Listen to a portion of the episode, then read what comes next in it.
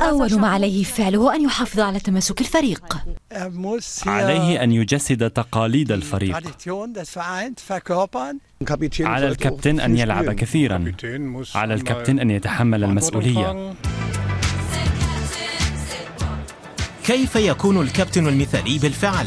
انظر إلى الملعب وستراه. دينيس كروبكا هو كابتن فريق.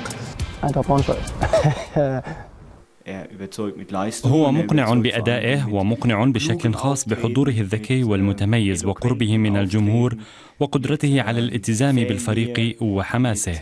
هو يجسد هذه الأشياء كلها. في بداية العشرينيات من عمره لعب كروبكا موسمين في البوندسليغا مع فرايبورغ في مركز الظهير وساهم في تسجيل أهداف بين الحين والآخر. أنا مرن فيما يتعلق بمركز اللعب. وخلال مسيرتي لعبت مدافعا وحتى حارس مرمى. كان خط الهجوم هو المحبب بالنسبة لي لأنه يتيح لي تهديد مرمى الخصم مباشرة. نجح الأمر جيدا مع براونشفايغ ومنذ أن أصبح قائدا للفريق عام 2009 سجل 52 هدفا ساهمت في نقل فريقه من الدرجة الثالثة إلى الدرجة الأولى. فهل دينيس كروبكا الهادئ هو الكابتن المثالي؟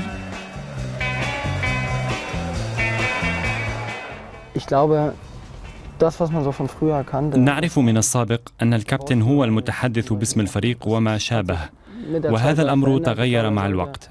على الكابتن أن يكون قدوة حتى خارج الملعب وأن يعمل لمصلحة زملائه اللاعبين وأن يكون حلقة وصل بين المدرب والفريق.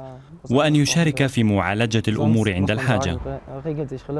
باستثناء ذلك فإن الأمور تنتظم من تلقاء نفسها في العادة.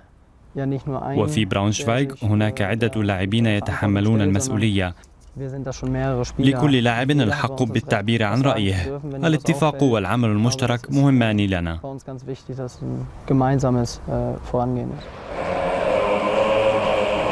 قائد من وسط المجتمع.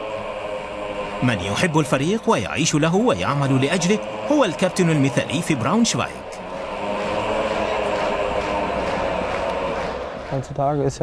تغيرت قواعد اللعبة بعض الشيء حاليا.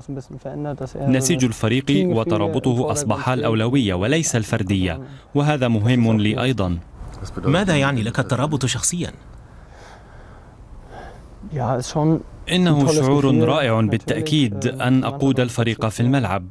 ولكنني لن أغير سلوكي الحالي حتى لو لم أكن قائد الفريق. سأظل أحاول تقديم كل خبراتي والعمل لصالح الفريق.